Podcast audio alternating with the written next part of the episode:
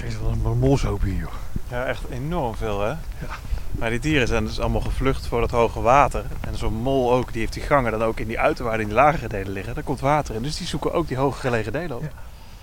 Wat prachtig om op deze zondagochtend, terwijl het eh, licht aan het worden is, eh, zo'n rondje te mogen lopen langs eh, de Bisonbaaien, Daan Meeuwissen van, eh, van Staatsbosbeheer.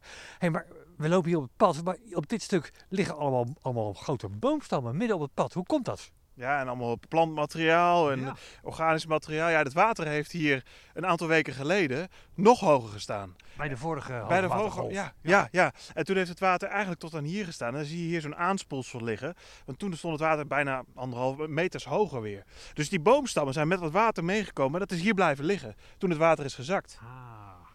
Wat zijn nou de gevolgen? Ja, dit is dus een gevolg van hoogwater. Maar wat zijn nou nog meer de gevolgen als het, als het water gaat stijgen? Wat gebeurt er dan? Als het water stijgt in eerste instantie, dan vlucht alles wat er leeft naar die hoger gelegen delen. En voor kleine zoogdieren en insecten is dat af en toe wel, kan het wel de dood betekenen van die dieren. Want Want dan al- hebben we het niet alleen maar over muisjes en mollen, hè? Nou ja, muisjes, mollen, die, zijn, die wonen natuurlijk heel veel hier. Maar vossen en reeën moeten ook vluchten voor het water. En over het algemeen kunnen die grote zoogdieren wel heel goed de kant vinden hoor. En veel, heel veel kleine zoogdieren ook. Maar ja, voor sommigen ook niet. En dan is het voor de bepaalde roofvogels ook weer echt een, soort, een, een, een tafeltje dekje, kun je het bijna wel noemen.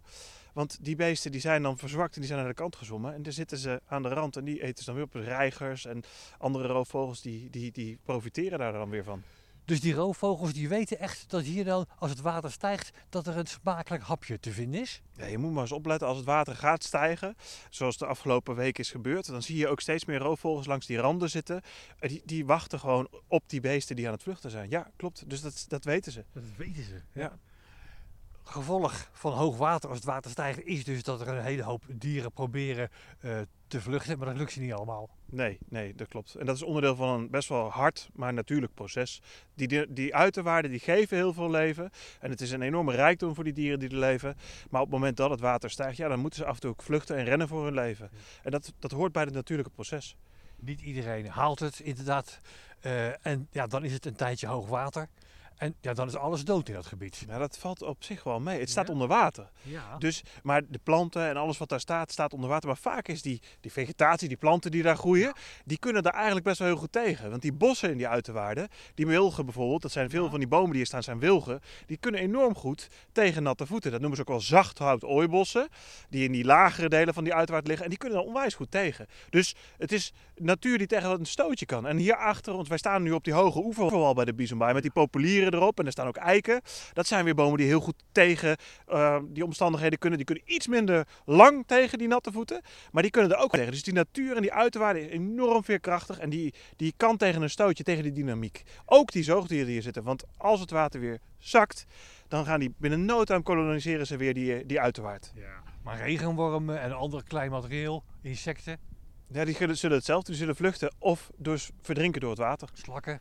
Slakken die hebben het ook heel lastig. Ja, maar dat zie je ook heel goed als het water zakt. Dat in die vloedlijntjes, dat daar ook heel veel slakkenhuisjes in zitten. Want die slakken worden, kunnen natuurlijk niet vluchten voor het water. Want die zijn daar te traag voor. En dan komen ze in die vloedlijntjes, zie je vaak heel veel slakkenhuisjes ook liggen. Wat een dynamiek hè, in zo'n gebied. Het is heel bijzonder. Zullen wij eens gaan kijken of we zo'n vloedlijntje kunnen vinden? Want dat, want dat kunnen we echt zien hier, hè, als we hier lopen. Ja, ja, ja, ze liggen hier nu zelfs op het pad. Zo hoog heeft het water Het is gestaan. eigenlijk ook een vloedlijntje natuurlijk, die grote boomstronken die Ja, hier liggen. ja, dit is Ja. ook zo'n aanspoelgordel. Ja, daar Ja. ligt ook allemaal spul in. Dus eh, het is ontzettend onwijs interessant om te kijken wat voor zaadjes en larven en dingen je daar allemaal in kunt vinden. We gaan een mooi stukje proberen te vinden waar we dat goed kunnen onderzoeken. Ga je mee? Gaan we doen.